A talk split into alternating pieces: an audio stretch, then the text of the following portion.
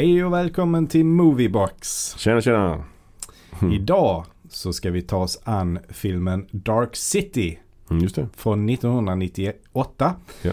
I regi av Alex Proyas. Alex Proyas som vi har pratat om tidigare när vi pratade om filmen The Crow. Just det. Så detta är filmen han gjorde efter The Crow. Ja, precis. Så den kom ju fyra år efter. Så ändå ganska lång tid efter eh, The Crow kan man säga. Men, Ja. men den hänger ändå ihop med The Crow tycker jag ganska mycket. Ja, det är, man ser en, eh, ett konstnärligt uttryck här tar sin Mm. form, alltså väldigt mörkt. Mm. En stad där det aldrig är dag Mm. i stort sett ju. Ja, precis. Så var det ju i The Crow och så är det i denna filmen.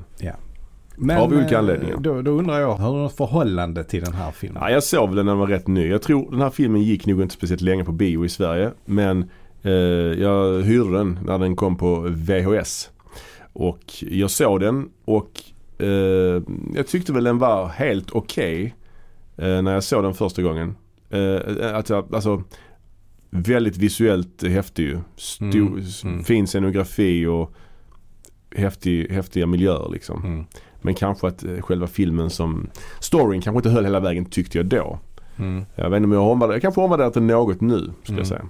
Vad är det själv då?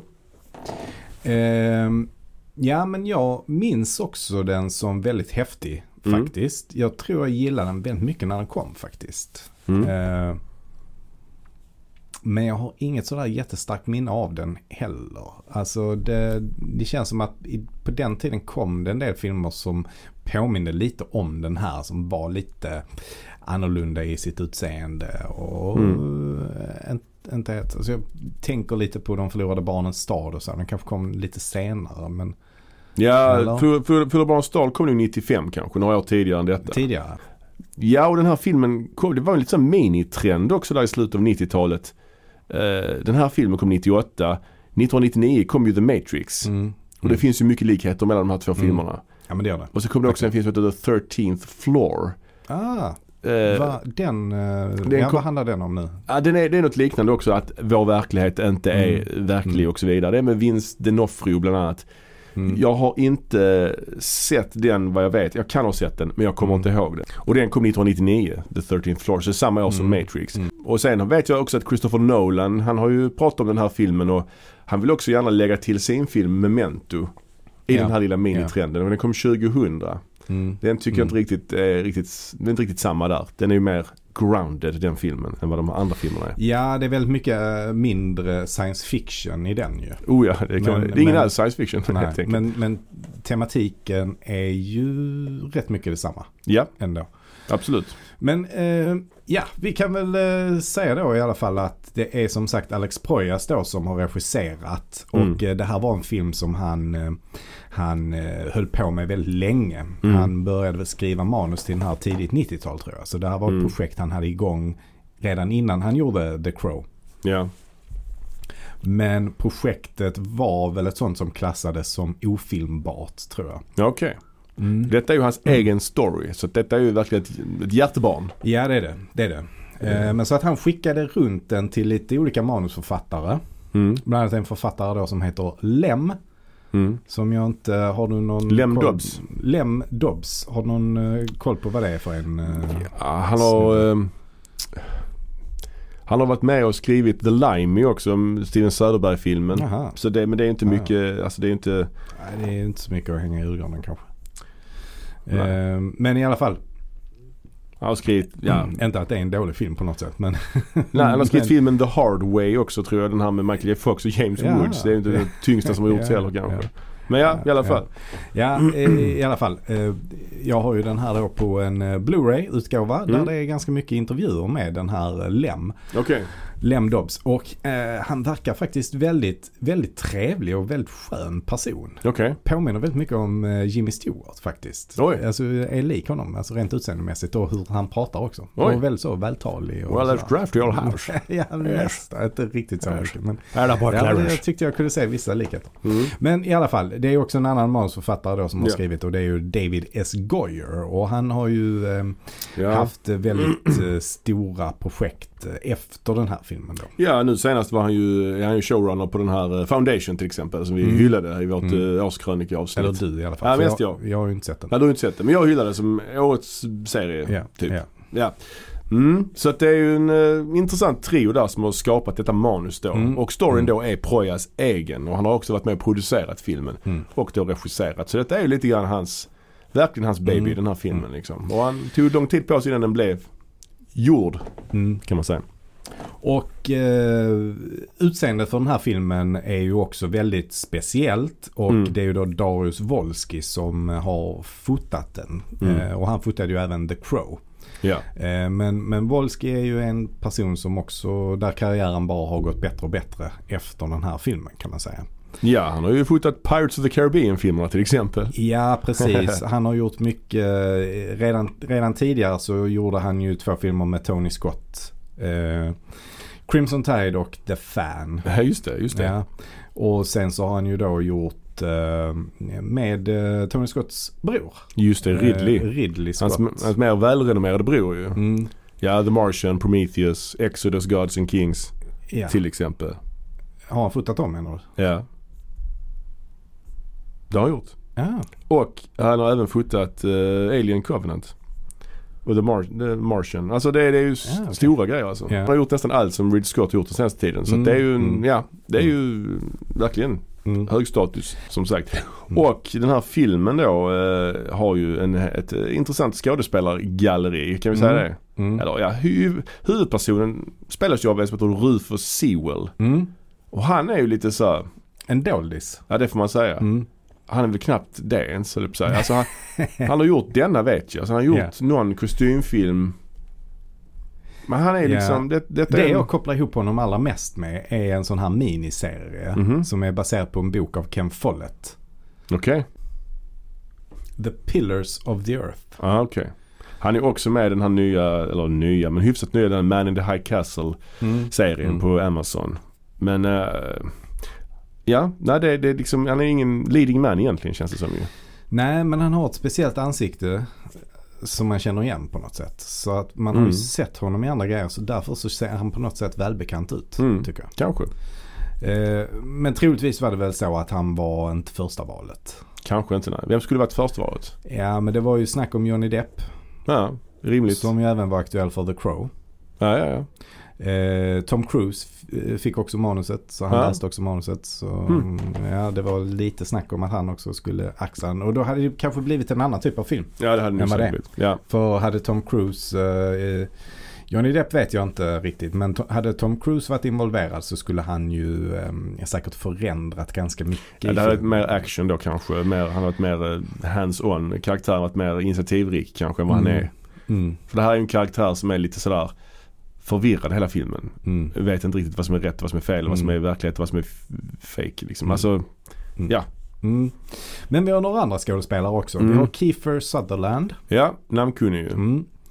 Eh, sen så har vi eh, William Hurt. Gick ju bort här förleden. Mm. Och William Hurt han eh, minns vi ju. Han, är ju, eh, han har ju gjort, gjort många minnesvärda roller till exempel i eh, Broadcast News. Mm. är ju en sån film till exempel. Har du, kommer du ihåg honom från något annat? Ja, Spindelkvinnans kyss va? ja. Fick han Den- Oscar, Oscar för. Ja. Den är han ju mycket Ja. berömd för. Sen var han ju med i MCU också och spelade General Ross i Marvel-filmerna. Just det. I Hulk, Hulk-filmerna och Avengers.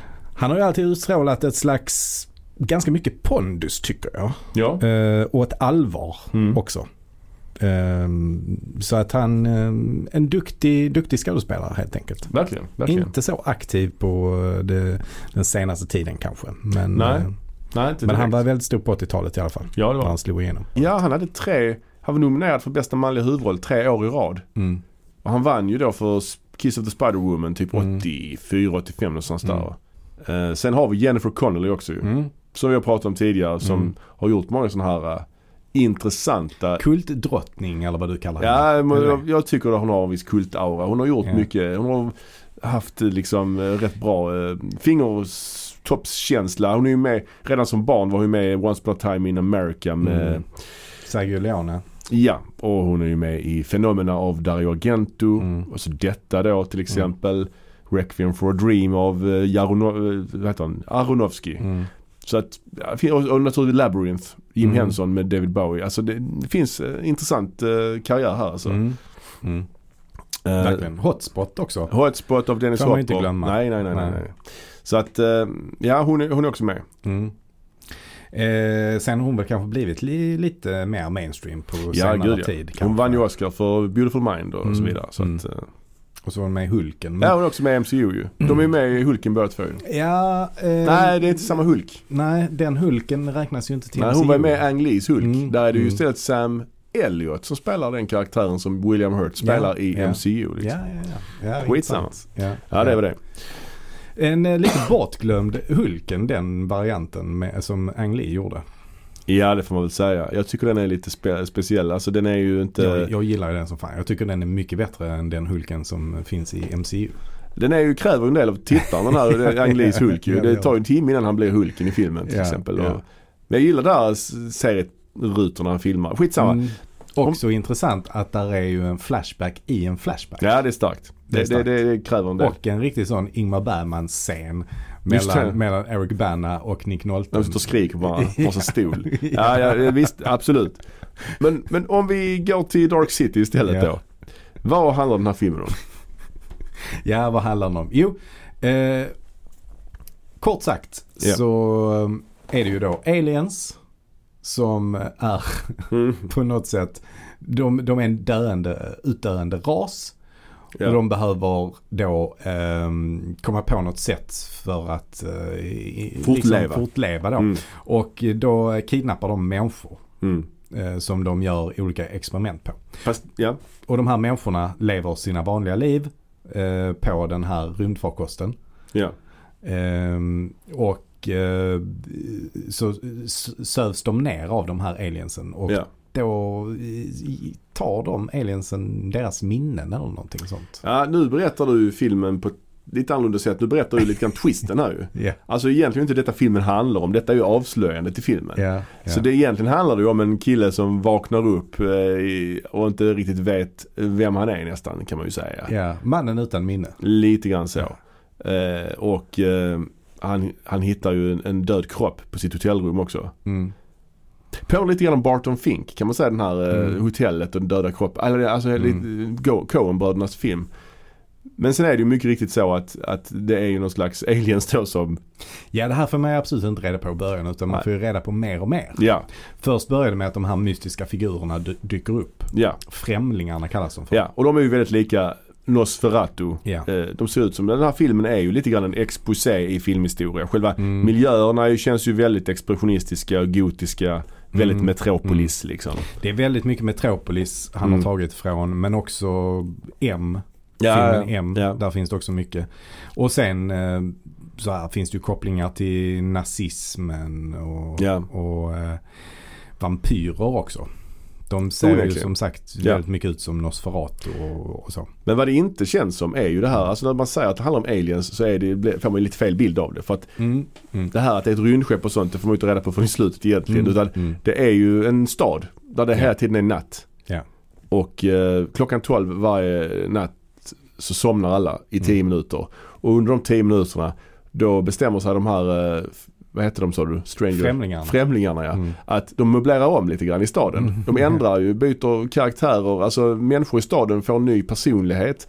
De eh, gör om arkitekturen. Allting bara vri- vrids om lite. Vet så Terry Mm. Gilliamskt. Mm. Eh, och sen, det är en scen, scen där två arbetare sitter vid ett eh, köksbord och äter. Mm.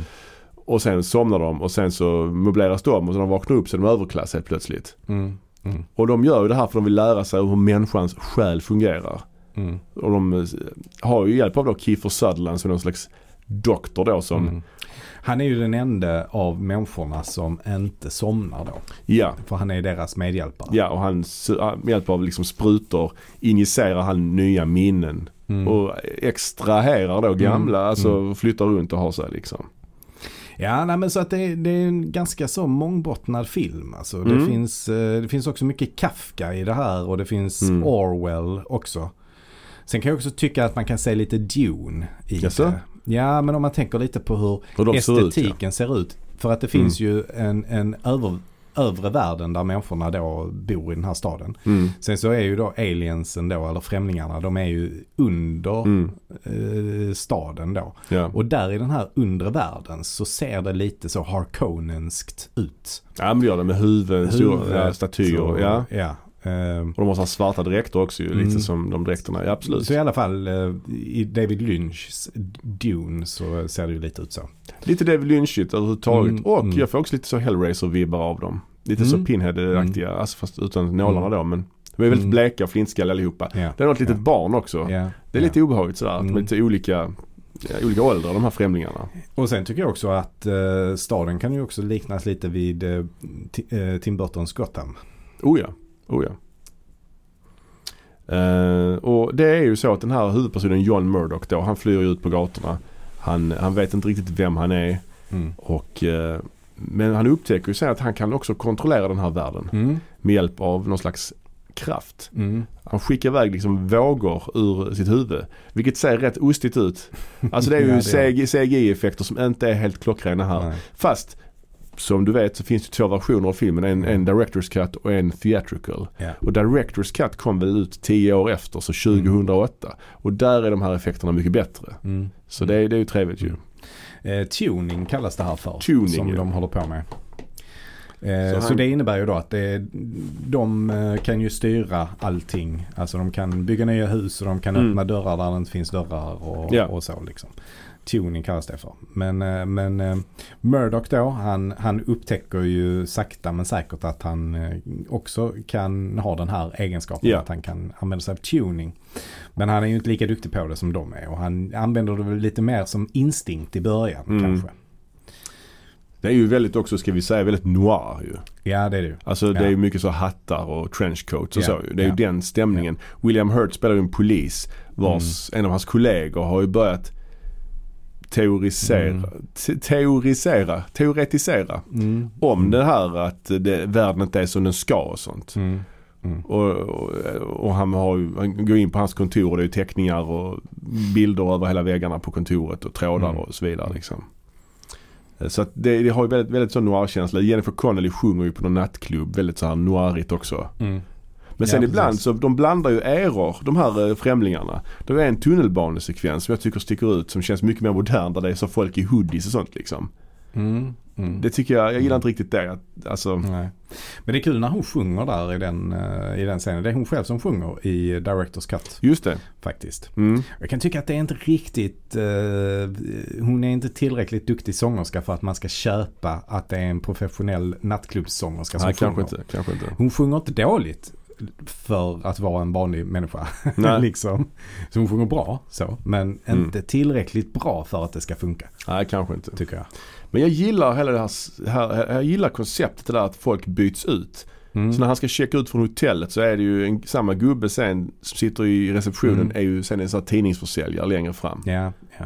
Och, och eh, Jennifer Connelly dyker också på lite olika platser. Mm. Mm. Jag tycker det är fräckt faktiskt. Och sen är han, får, ju- han får också lite så flashback till sin barndom.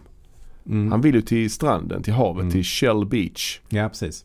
Alla får väl den flashbacken tror jag. Alla Mm, vet vad precis. Shell Beach är för Ja, någonting. men ingen vet hur man kommer dit. Nej, nej.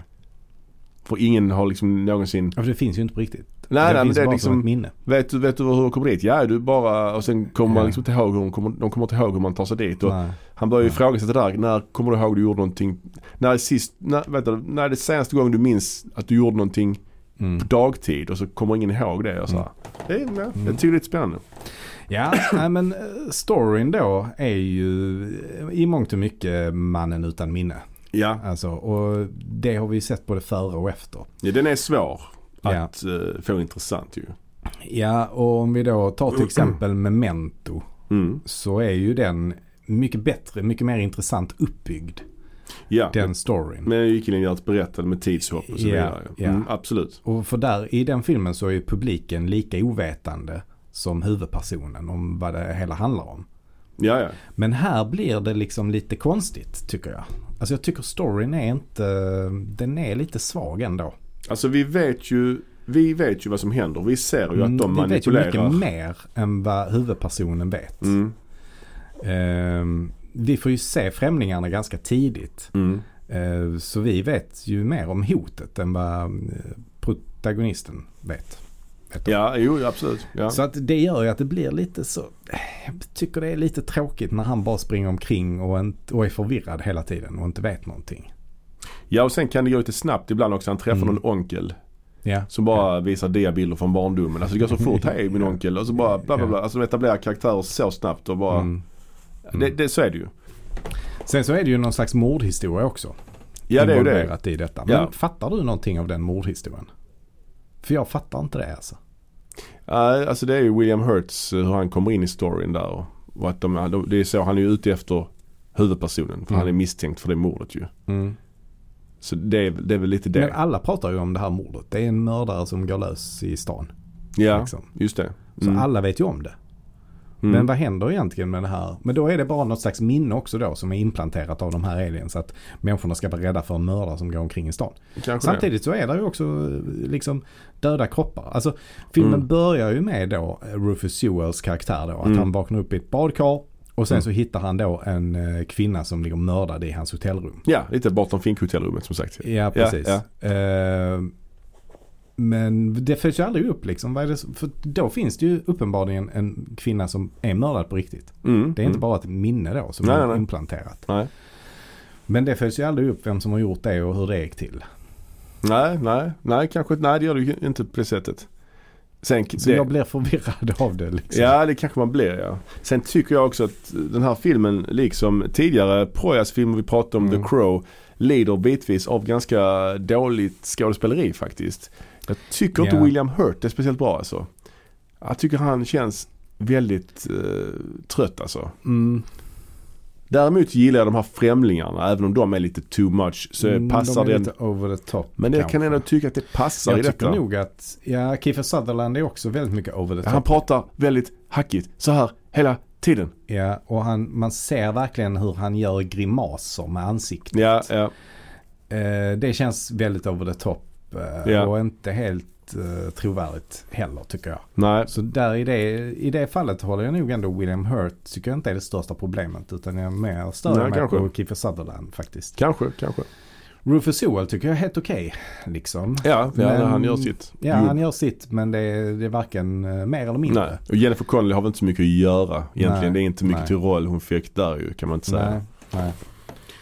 Men det är ju intressant då hur likt eh, det här är The Matrix. Mm. Mm. Även om, alltså, eller rätt sagt The Matrix är väldigt lik denna. Jag, Mm. jag tror ju inte att de har kopierat Dark City eftersom den här måste ju vara i produktion samtidigt liksom. Ja, precis. Och The Matrix är ju är också science fiction. Mm. Detta är ju lite mindre science fiction egentligen. Ja, det enda som är science fiction här i Dark City är ju egentligen slutet, twisten att det är, inte är en stad utan att det är ett rymdskepp. Ja. Och att det är aliens egentligen. Ja. Det är i och för sig i, i the, the ter- theatrical cut så, så nämns ju att det är aliens redan i början. Mm. I voice-overn. Mm. Men det blir lite mer en twist i director's cut. Mm. Men här är det mycket mer gotik och det är noir, Mm. sci-fi noir liksom. Medan Matrix är mycket mer eh, automatvapen och, och eh, wirefights och så. Mm. Mycket mer Mm. modernt så att säga. Men det är ju också en värld som inte är en eh, riktig värld. Mm. Det är också svartklädda individer som manipulerar. Ja, oh ja. ja, ja Alltså det finns så mycket och, och Ja, också en huvudperson ja. som har krafter som kan påverka den här världen. ja. Alltså jag tycker nästan det är otroligt om de inte... Ja, kanske. Ja, alltså det är ändå väldigt, väldigt likt. Och man får också eh, tänka på att det här manuset, på, alltså projektet påbörjades tidigt 90-tal liksom. Så att, Ja, ja visst. Ja, det, det var ju runt på flera olika filmbolag. det är sant. Det var först på det här New Regency men sen hamnade det på New Line Cinema. Mm. Så att eh, och manuset skickades ju runt till, till flera olika skådespelare ju. Mm. Så det är inte omöjligt att de har läst det. Nej, det är det inte. Och vilken film tycker du är bäst? Denna eller The Matrix?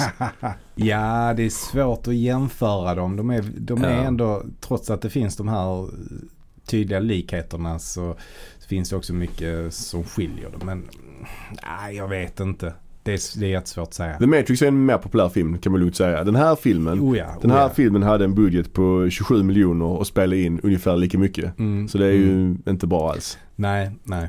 Eh, nej, men jag skulle nog säga ändå att Matrix är en lite bättre film faktiskt. Eh, Ja, jag, jag är ju svag för den här alltså. Ja, du är jag, det? Ja, jag, Ja, jag har eh, Jag har omvärderat denna. Mm. Eller liksom Jag såg Directors Cut. Den tyckte jag Jag mm. gillade den. Den var lite mer slow burn på den alltså. Ja, det är det liksom. Men jag tycker samtidigt att det är så himla mycket som händer som är oförklarligt. I Mm. inledningen till exempel så är det mycket som händer utan någon anledning känner jag. Ja.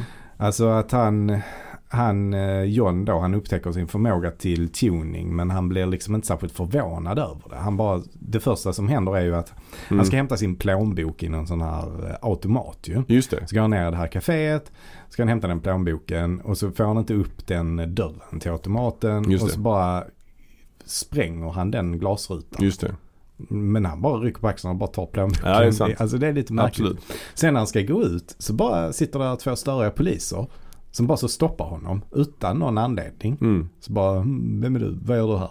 Alltså, Mm. så bara, bara så störiga. Och så bara helt plötsligt dyker det upp någon slags sån här glädjeflicka. Ja.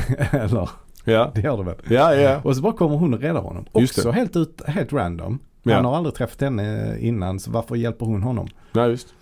Och så tar hon då med honom upp på sitt, eh, i sitt rum. Exakt. Ja. Och sen blev hon ju mördad sen också. Ja, precis. Av the strangers. Mm. Men ja, ja visst. Och äh, alltså theatrical version är, inleds ju rätt fräckt att alla somnar. Mm. Mm. Medans uh, Directors Cut, där är den scenen långt in i filmen. Mm. Mm. Den börjar ju istället med att Kiefer Sutherland tittar på klockan att den är midnatt. Så den, den hintar mer liksom. Nej men jag skulle nog ändå säga att alltså, Directors Cut är bättre. Mm. Eh, även om den är 15 minuter längre tror jag. Mm. Så skulle jag nog ändå säga att inledningen är nog ändå lite bättre där. Alltså man, får, man, man vet inte så mycket om vad som händer. Men, men samtidigt så den är ändå inte perfekt den här filmen. Alltså, den Nej, har ändå nej, problem liksom med, eh, med de här bitarna. Att det är konstiga grejer som händer utan någon, utan någon förklaring. Jag håller med och, och det är ett par riktigt dåliga effekter som åldrats riktigt, riktigt dåligt. Mm. Det är någon dörr som uppenbarar sig i en vägg. Som Ja, de, som ja. Med morfteknik som ser Mm. riktigt dåligt ut. Tyvärr. Och det är inte bara effekterna heller som är lite dåliga utan ibland ser det rätt så billigt och B-igt ut tycker jag. Mm. Till exempel en scen rätt så tidigt också när det är kanske i samband med att han hittar den här dörren som uppenbarar sig. Men han, han, går, när han ska gå upp och, till, till den här reklambilden på det här Shell Beach. Ja. Eh, så kommer han då ut och upp på någon sån här byggnadsställning av något slag och så sparkar han bort sådana plankor som sitter för dörren. Det ser bara så bet ut när han sparkar bort dem. De ser inte verkliga ut. Ja, okej. Ja, alltså ja. de bara flyger och flyger Ja. bort. Ja. Ehm, och sen är, är ju där en actionscen också. Det kanske är den första actionscenen i filmen. När han slåss mot de här främlingarna. Just det. Den är ju också rätt kackig den actionscenen Ja, tycker kanske jag.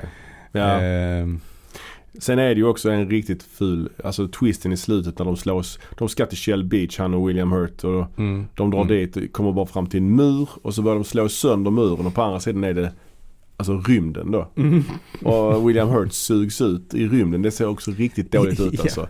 Det är synd liksom att, att de lägger in den där alltså. Det är också så himla konstigt att det är ett rymdskepp och så är det bara en sån, eh, alltså vad heter det, tegel, tegelmur som är, Ja men det är väl någon sköld utanför också. Man Ja, ser det är han, det. flyger Ja, ut ur rymden så flyger han igenom en sån här genomskinlig sköld också. ja Typ. Ja, Så att, eh, och då dör han sen ju. Men, men eh, ja det är lite over, over the top såklart att det Mm. är ett rymdskepp och sånt. Jag vet inte hur man skulle förklara det här annars. Att det bara var liksom en maskin folk var fast i.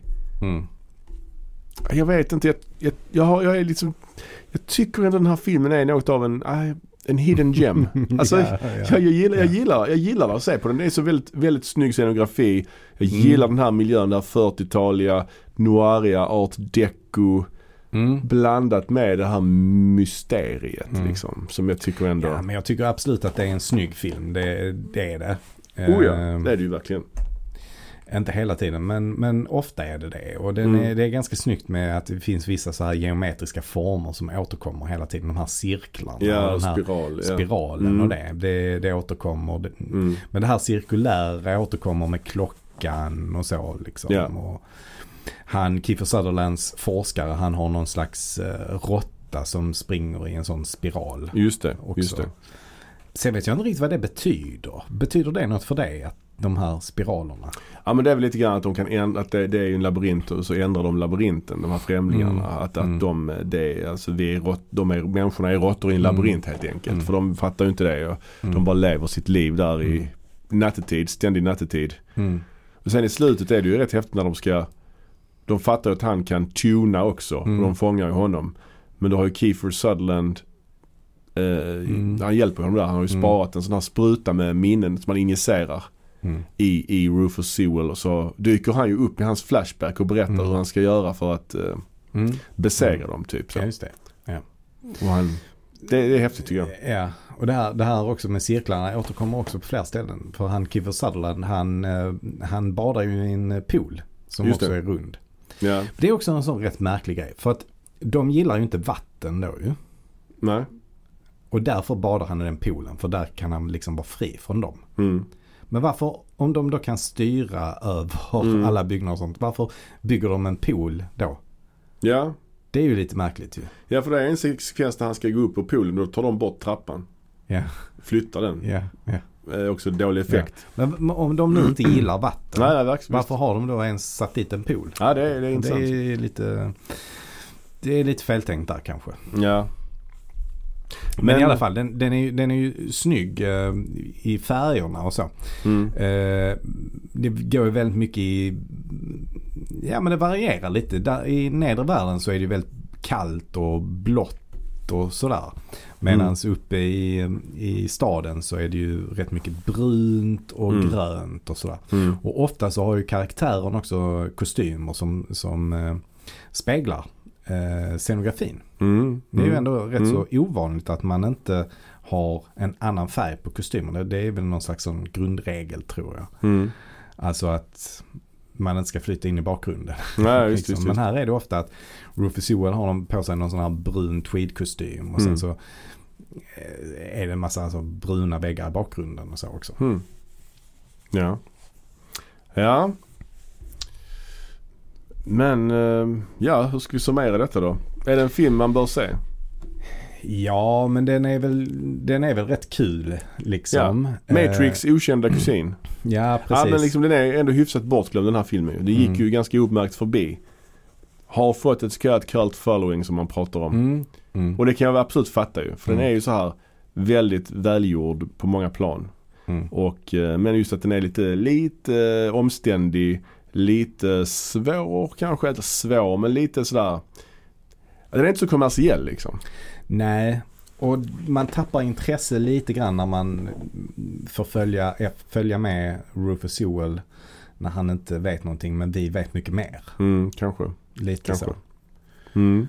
Eh, Men eh, ändå, helt klart sevärd Mm. tycker jag. Ja men absolut. Denna bör man titta på. Mm. Också intressant så jag att eh, Alex Proyas har gjort någon kortfilm tror jag som utspelar sig i det här universumet. Ja, relativt nyligen, mm, va? Nyligen. Ja. Så vi får se, det kanske är en, eh, att han laddar inför att göra en uppföljare. Den här filmen blev väldigt hyllad av Roger Ebert va? Mm. Den välkände filmkritikern. Han sa ju att det var 1998 års bästa film. Ja. Ja. Kanske det. Men det skulle jag inte säga att den är. Jag, jag eh, skulle nog säga att det här är max en trea för mig. ja. Jag vill nog eh, kanske sträcka mig till att ge den en fyra kanske. Ja, Director's Cut klarade precis. ja, ja. Det är också eh, fyra for effort liksom.